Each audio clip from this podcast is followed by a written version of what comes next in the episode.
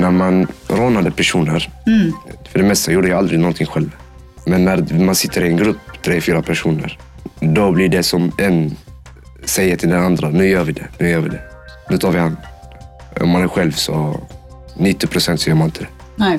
Det är grupptrycken, alltså vänner som påverkar. Det här är ett av tre poddavsnitt i en serie om ungdomsrån från Brottsförebyggande rådet. Hör den unga gärningspersonen Abbe berätta om hur han började råna andra unga, om vändpunkten och hans tips till ungdomar som är i en liknande situation idag. Välkomna till eh, Brottsförebyggande rådets podd. Eh, idag sitter vi i studion i Gamla stan i Stockholm. Men eh, gästerna här i studion kommer ända från Helsingborg. Mm. Idag ska vi prata om unga gärningspersoner och ungdomsrån. Och jag har Abbe här, 18 år, gymnasiestudent Ja, som eh, tidigare har rånat andra unga men nu är på väg åt rätt håll. precis. Välkommen. Tackar. Ja. Och eh, Noras Yassim från eh, Helsingborg du också. Yes. Och eh, du eh, arbetar som eh, SKKP som vi säger, särskilt kvalificerad kontaktperson. Men vi kanske ska säga SKKP framöver i Det podden. blir lite lättare. Ja. Du är socialpedagog i botten Yes. och eh, har arbetat med många olika verksamheter och, som handlar om unga med normbrytande beteende. Exakt. Och eh, nu är du förutom ditt uppdrag som samordnare för familjehem i Skåne så är du även SKKP då, Yes. för Helsingborgs stad och Stämmer. eh, krimteamet där. Mm. Maria von Bredow heter jag, jobbar som utredare på Brottsförebyggande rådet och är med som utredare i den här studien om ungdomsrån. Abbe, Ja. när du var 16 år, då satt du häktad i tre månader. Mm. Varför hamnade du på häktet? Vad hade du gjort för någonting? Mm, rånat unga personer. Det var mer som sagt för man vill ha lite fickpengar. Mm. Tjäna lite pengar. Och man visste, jag visste inte konsekvenserna helt enkelt.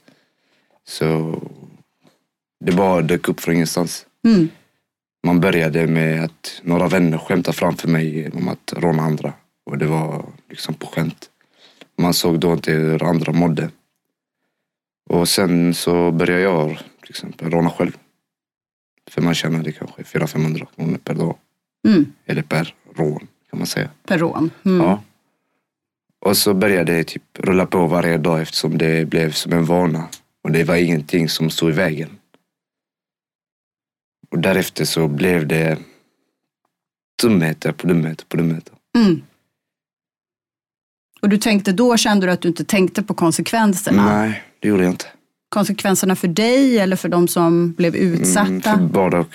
Mm. För, för mig, i mina ögon, så såg jag inte hur de kände. De var liksom bara helt normala, tysta av sig. Mm. I min tanke trodde jag aldrig att de skulle säga till polisen eller anmäla. Eftersom jag varnade dem från det. Mm. Och jag- det dök inga polisanmälningar heller. För detta pågick i en hel månad ungefär. Det kallades för Helsingborgs rånvåg i slutet. Mm. Men eh, från ingenstans så... Det var en sex på morgonen då min mamma ringde. Så vi hos mitt ex då. Och då sa hon att polisen hade varit hemma hos oss. Mm, varit ute efter mig. Tagit alla mina grejer. Då förstod jag inte riktigt vad var grejen. Sen ringde jag själva polisen och då sa de ja, du är misstänkt för någonting men de sa inte vad. Och då att de ville kalla in mig på ett förhör. När jag åkte till polishuset så blev det som en chock.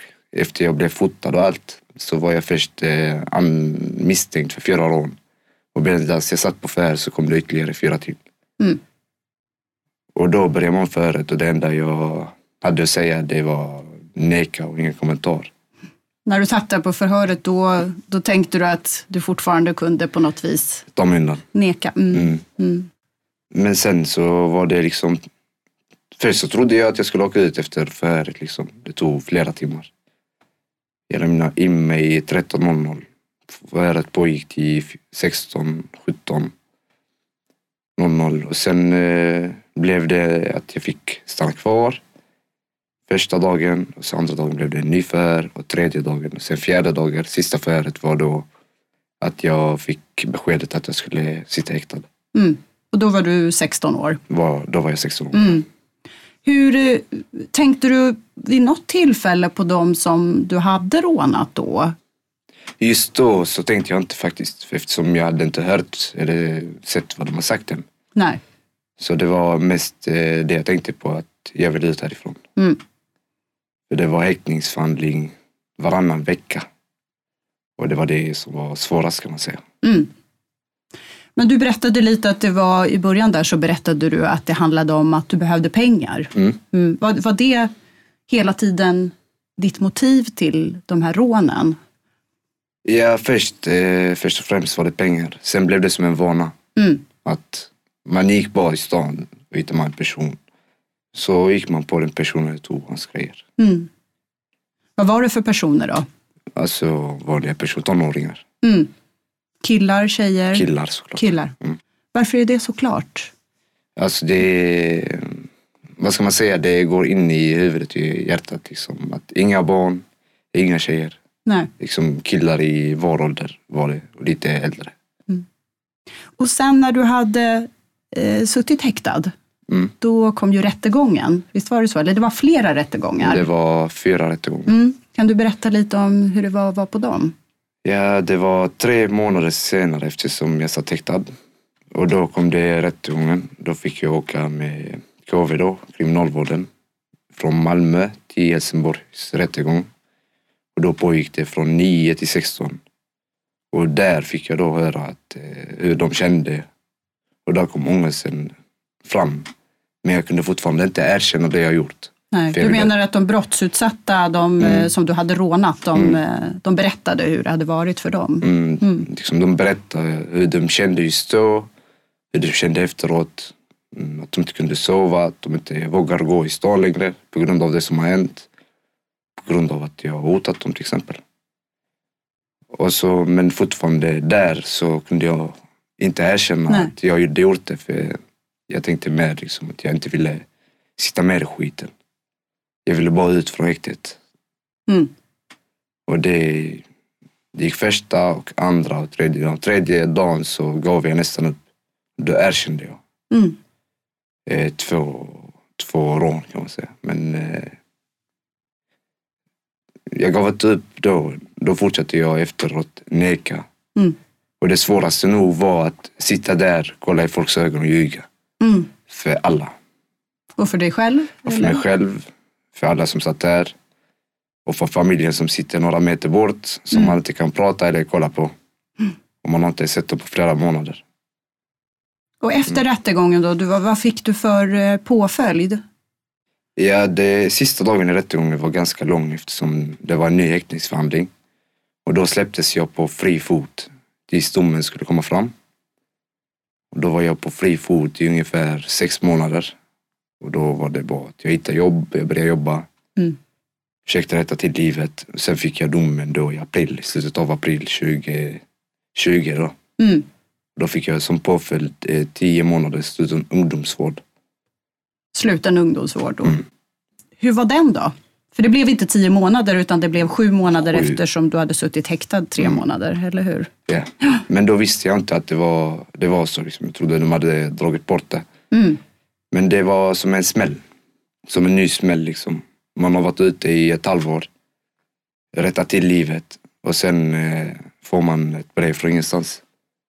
Hur För- kände du inför det då? Att du fick vänta så länge på din påföljd? Ja, man kan säga att det är mitt fel eftersom det var jag som överklagade. Mm. Hela tiden.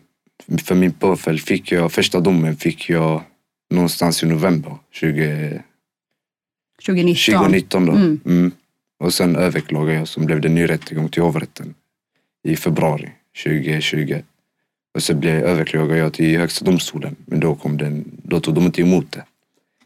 För det var inte så grovt. Nej. Nej. Men då kändes det, just då kändes det som att det var orättvist. Liksom. Vi var fyra stycken som gjorde saken. Men endast jag som blev dömd till sluten ungdomsvård. Och andra var äldre än mig. Och gjorde värre saker. Men efter man, jag åkte upp till Kalix då. Mm. och satt där. Så blev det lite jobbigt. Då, när man kom in där, det var då den här känslan liksom kom. Nu får jag bara avtjäna mitt straff och skylla mig själv. Men du tänker de här överklaganden som du gjorde, berodde det på att du fortfarande inte ville erkänna riktigt att du hade gjort de här rånen? Eller vad, vad handlade det om, att du fortsatte att överklaga? Alltså för mig, det var alltså, så självklart att när jag, sen första domen så var det självklart för mig att det finns ingen mer chans. Liksom. Jag har gjort det så jag får ta smällen. Mm. Men det var mer min advokat då som sa till mig, vi kanske kan komma undan med bara ungdomsvård istället Mm. för sluten ungdomsvård. Men det blev inte så. Och då hade jag också en lite tung belastning på mig eftersom de, jag blev dömd till 120 000 i skadestånd som jag skulle betala till folk. Så det blev lite jobbigt där emellan att man det kändes just då som att de knäckte mina ben. Mm. Men om man tänker de här 120 000 i skadestånd, Mm. du var ju minderårig. Vem fick ta på sig de här skulderna? Det var bara jag och min mamma. De åkte direkt till Kronofogden då. Mm. Och då var det mitt namn och min mammas namn. Hur kändes det då, att din mamma fick ta de här skulderna? Och det där kändes lite som en ny smäll liksom. Mm. Mer ångest. Ångest? Mm. Mm. För hon hade ingenting med saken att göra. Så hon fick hamna i skiten liksom. Mm. Och det var inte värt det liksom. Va, vad kan du ta med dig för, för bra saker från den slutna ungdomsvården? Alltså man kan säga personalen där inne. Programmen man gick där inne som hjälpte till. Man fick lära sig mer hur man kan hantera saker. Tidigare så har jag haft aggressionsproblem. De Då hjälpte de mig med detta. Det var också andra ungdomar som, eftersom jag såg hur andra ungdomar tänkte då där inne. Och var de bor och hur de har det i sitt liv. Och vad är det de tänker på. Så, så kände jag igen mig som en människa som, alltså, det är inte min plats. Det är inte jag. Liksom. Det är ingenting för mig. Så jag valde då att sitta i isolering. Mm. Det är mer som ett rum där man sitter själv, har egen vardagsrum och personalen kommer in där. För det är lätt att hamna i samma sats som de andra. Mm. Och när du kom ut då, då var ju det i december, December. förra året. Mm. Då eh, fick du ju en insats av kommunen. Eller hur? Du fick beslutat en insats som SKKP. Precis. Eller hur? Det- Särskilt kvalificerad kontaktperson. Mm. Den insatsen bad jag om själv faktiskt. Mm. Mm. När jag snackade med min SOS från SIS så sa jag till henne jag behöver en SKKP som kan hjälpa mig, som kan fylla min fritid så jag inte hittar på något dumt igen. Liksom. För det är lätt att hamna i samma kretsar när man kommer ut. Mm. Så fick jag Noras då. Mm. Nauras, Mm. vad är en SKKP? Men väldigt förenklat så är det väl eh, en kontaktperson fast med erfarenhet och mer gentemot ungdomar som har begått någon form av kriminalitet. Mm. Eh, Där de har blivit dömda för någon form av kriminalitet. Vanliga kontaktpersoner kan ju vara kontaktperson för vem som helst, någon som kanske har problem med, med lite skolk eh, och lite annat. Men just SKKP är eh, mer kvalificerad Ja. eh, och, och grövre ungdomar om man ska säga så. Hur, hur är det, vad gör du som SKKP? Det, det är väl först och främst att, att skapa en relation. Det är väl det A och O, det absolut, absolut viktigaste. Hur, hur, om det är SKKP eller vad man än jobbar med när det gäller ungdomar. Men just SKKP så är det väldigt viktigt för att bygga en relation. Eh, Och det är utifrån att ungdomen har blivit dömd till detta. Eh, Och, då är det inte alltid på samma sätt för vanliga kontaktpersoner. kan det vara en ungdom som ansöker hos socialtjänsten och, och, och lite sådana saker. Eh, Så det skapar en relation och, och se till så att ungdomen i fråga vet att du är där för att hjälpa dem. Det är väl basic, grunden så att säga. Det är ju lite mer träffar, visst är det lite fler timmar per vecka man ska ses. Mm. Det är väl också lite mer ingående insatser, man kan komma kanske in mer till familjen om det behövs. Man kan, eh, är det så? Ja, alltså för de som känner till branschen med att jobba med ungdomar på behandlingshem och lite sånt, så är det typ som det, fast mer ute i det fria. Eh, Så man får ett kontrakt på x antal timmar beroende på eh, vilken typ av ungdom det är. Oftast när det gäller SKKP så är det två gånger två timmar i veckan, Mm. så fyra timmar totalt. Och sex månader brukar insatsen pågå. Yes. Mm. Eh, och det som gör så att just SKKP i Helsingborg så framgångsrikt, Mm. det är att vi får själva fördela och vara flexibla kring de timmarna.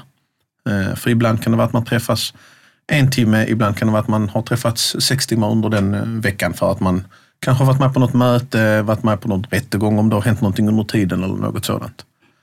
Eh, och det är väl det absolut viktigaste, att kunna vara flexibel eh, när det gäller kring de timmarna. För det är väldigt svårt för en ungdom att skapa relation med en vuxen som bestämmer, nej men nu ska vi ses i exakt två timmar den dagen.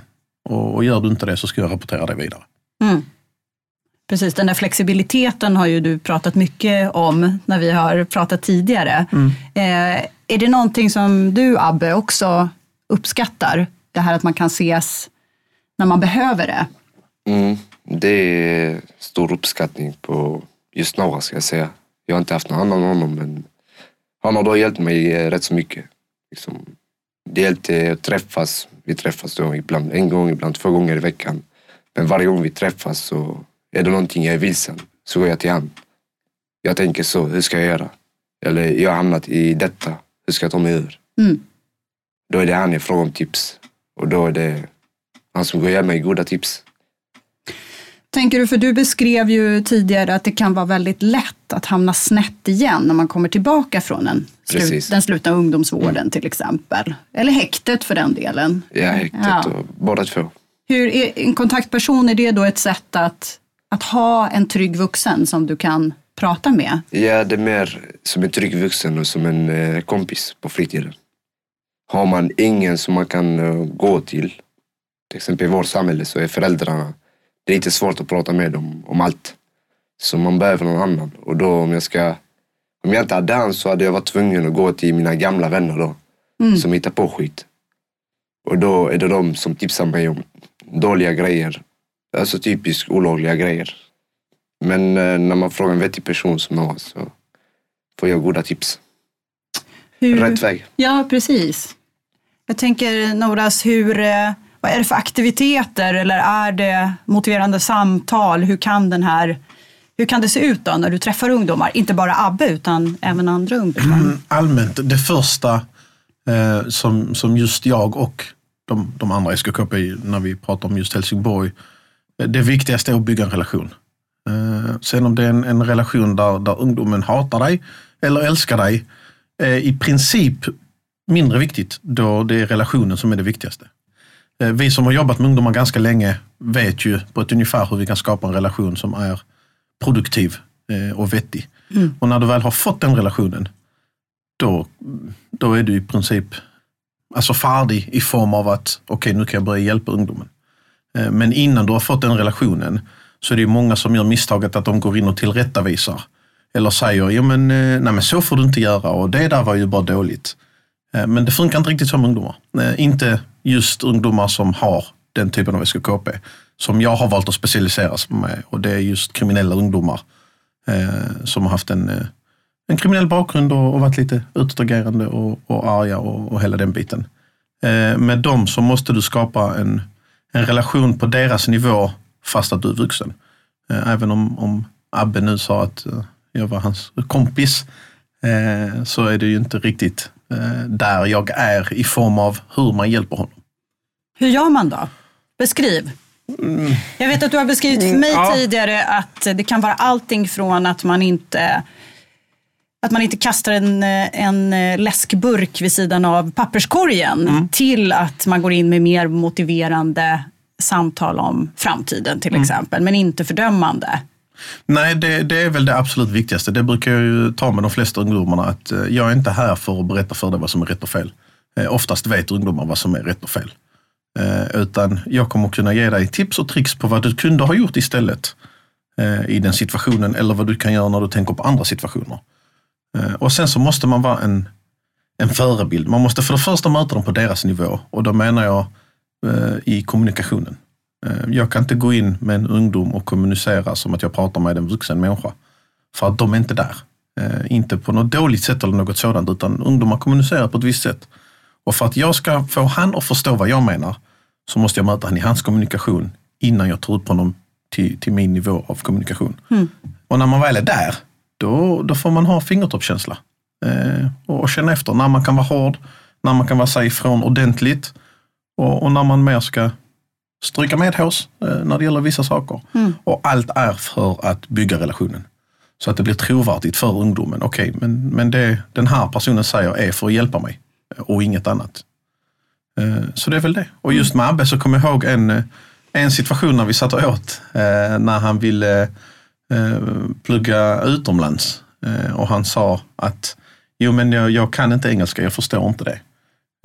Där, där jag fick trycka till honom i form av att hej, sluta tryck ner dig själv. Utifrån din bakgrund och var du har varit så har du ändå uppnått detta som många andra inte har gjort. Så att du inte ska kunna förstå ett språk, förstår du. Eh, Så att, så att man måste göra det på båda nivåer. Inte bara trycka till när det är någonting fel, utan även när de själva känner att ja, men detta kanske inte är rätt för mig eller något sådant. Är det ofta du möter det? Att ungdomarna trycker ner sig själva? Väldigt ofta. Eh, Och ofta så gör de det omedvetet. Eh, De är inte vana vid, vid den biten att, att ha det. För det, det är ju väldigt ofta de har fått möta det. Eh, På institutioner var de kommit från. I och med att de är dömda eller har gjort något fel så är det med de ögonen som de flesta vuxna ser på dem.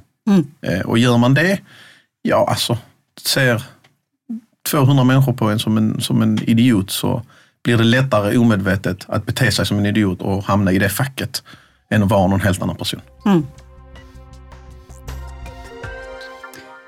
Abbe, jag tänker på eh, när kom vändningen när det gäller din syn på de brottsutsatta? När kände du att, att deras historier var viktiga för att du skulle förstå vad du hade gjort för någonting? Det var nog i tingsrätten. När de berättade. Mm. Och sen, eh, det blev som ett spökljud i huvudet hela tiden. När man satt mellan eh, fyra väggar liksom helt själv. Och det var, jag kände alltså, sådana skuldkänslor. Till slut så ville jag slippa det liksom. Då, innan jag skulle betala till dem skadeståndet så ringde jag till var och en och bad om ursäkt. Och sa nej, det här var inte meningen. Det var det rätta att jag gjorde. Att jag gick till polisen och bad om hjälp. Mm. Och nu sitter jag och avtjänar mitt straff. Du har gjort rätta, jag har gjort fel. Det är ingenting mer. Hur känner du nu då inför att du gjorde det? Känns det som att du har kunnat stänga ett kapitel i och med det? Ja, det, man kan ju stänga kapitlet men det kändes som ändå när jag gjorde det rätta till slut. Mm. Just det, jag har gjort fel mot dem. Men jag har kunnat rätta till det till en viss del. Och åtminstone så vet jag att de inte är oroliga längre att gå i stan. Hur är din självbild idag om du jämför med då? Ja, det är en helt annorlunda. Jag kan säga att inte ens mina vänner känner igen mig. Abbe 2019 är inte likadan Abbe som 2021. Känns det som att du är på väg åt rätt håll? Rätt håll, ja. Mm. Det, någonting har jag missat att säga från början. Mm. Berätta. När man rånade personer Mm.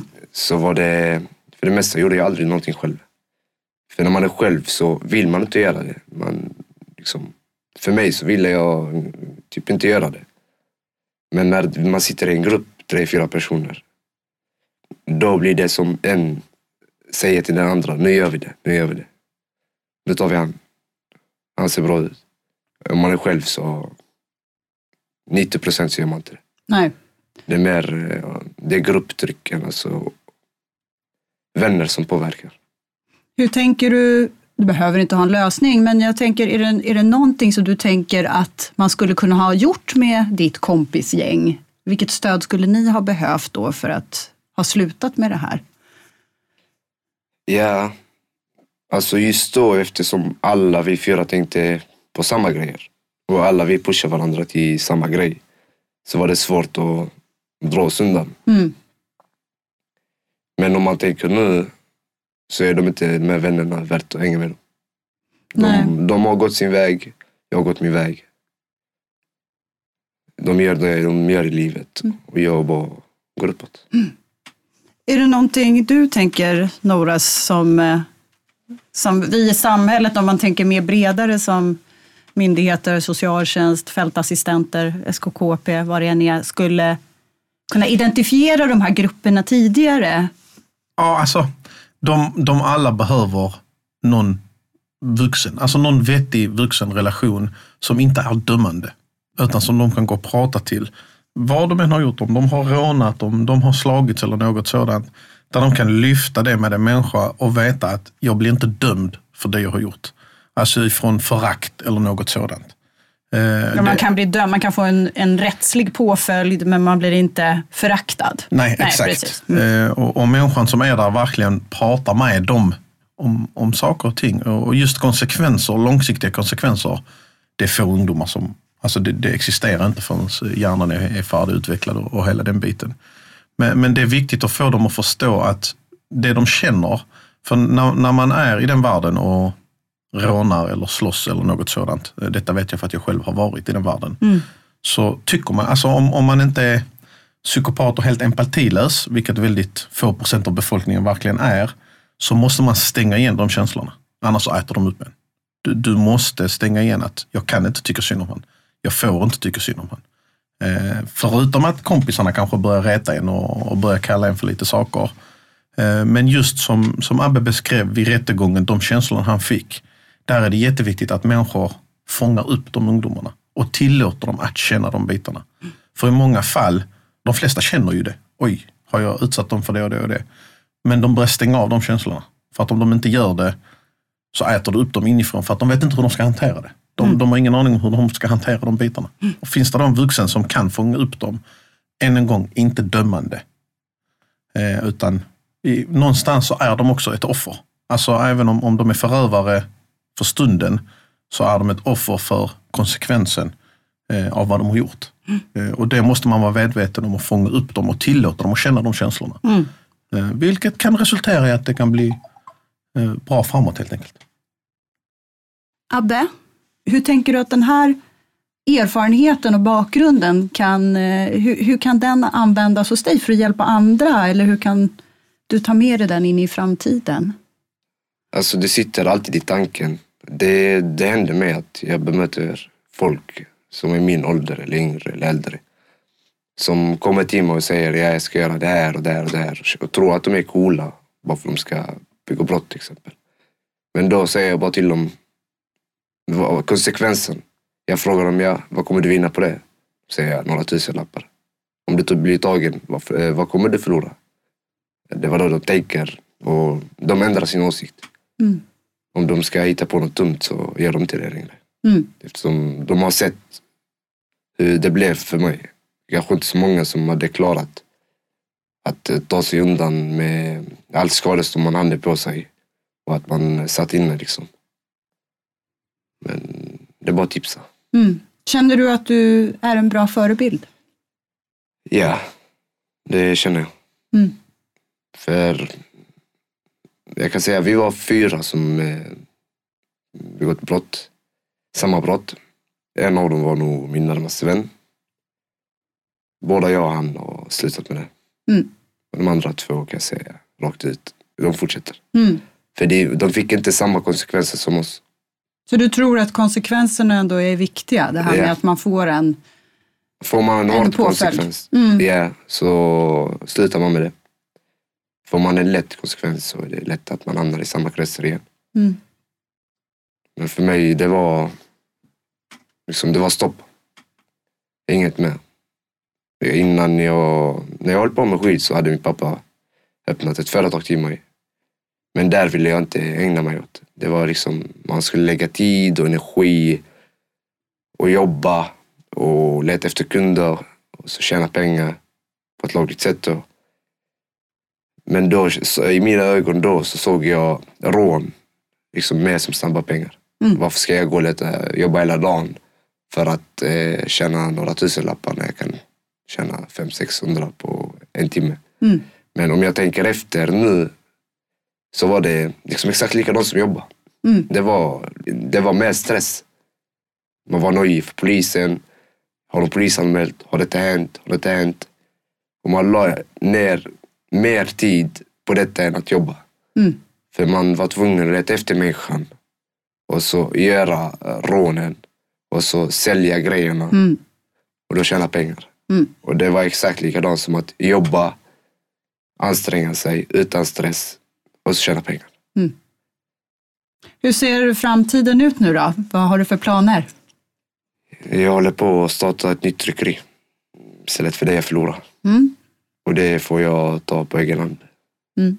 För, för åkte jag ju i konkurs när jag satt inne. Liksom. Jag, jag tänker också på hur mycket jag har förlorat.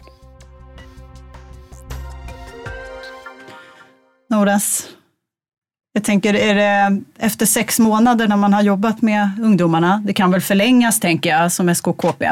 Definitivt. Hinner du och dina kollegor med det här motiverande arbetet? Eller tror du att det behövs andra, även kompletterande insatser? Det beror på vilken nivå ungdomen är på. Eh, om, om ungdomen är i en mottaglig nivå eller om den är fortfarande fast vid att ja, alltså, jag vill fortfarande leva det livet om man säger så. Eh, då kan det behövas lite fler insatser. Eh, men många gånger så är det insatserna från, de, från föräldrarna som, som behöver finnas där. Mm. Eh, för vet man som, som ungdom att jo, men vad jag än gör så alla andra dörrar kanske stängs. Men dörren till mina föräldrar finns fortfarande öppen. Så länge det finns så, så är det jättebra om man kan arbeta jättemycket med, med de delarna. Eh, så, så man måste hitta det hos ungdomen och veta, okej, okay, kommer, detta kommer den här insatsen att räcka? Eh, är det en motiverad ungdom? Ja. Är man duktig på sitt jobb så räcker det. Eh, sen är ju inte alla tyvärr lika trygga med att bygga relationer och, och komma dit och se ungdomen som ett blankt blad. Mm. Abbe, du får sista ordet. Vad är det för tips du vill ge till ungdomar som är i samma situation som du var då? Ja, den tipset jag vill ge är att fokusera på studier och jobb. Har man inget jobb så får man söka jobb helt enkelt. Jag har varit ute i sex månader och fått tre jobb. Men jag har inte sökt en, bara alla tre och fått dem direkt. Jag har sökt över 3 till 400 jobb via nätet och fått tre av det. Så det är bara att fortsätta kämpa tills man får ett. För till slut så kommer någon säga, säga ja. Det är inte alla som säger nej. Mm. Sen har man eh, någon, någonting i registret. Ja, det är bara att gilla läget. Fortsätt kämpa så får du till slut det du vill. Så studier och jobb och inte ge upp. Inte ge upp. Stort tack, Tack för att själv. ni var med. Tack för att vi fick komma. Du har lyssnat på Brottsförebyggande rådets podd Snacka om brott. Det ena avsnittet av tre om ungdomsrån. De andra avsnitten hittar du i din poddapp och på Brås hemsida. Och där kan du också ladda ner Brås rapport om ungdomsrån från december 2021.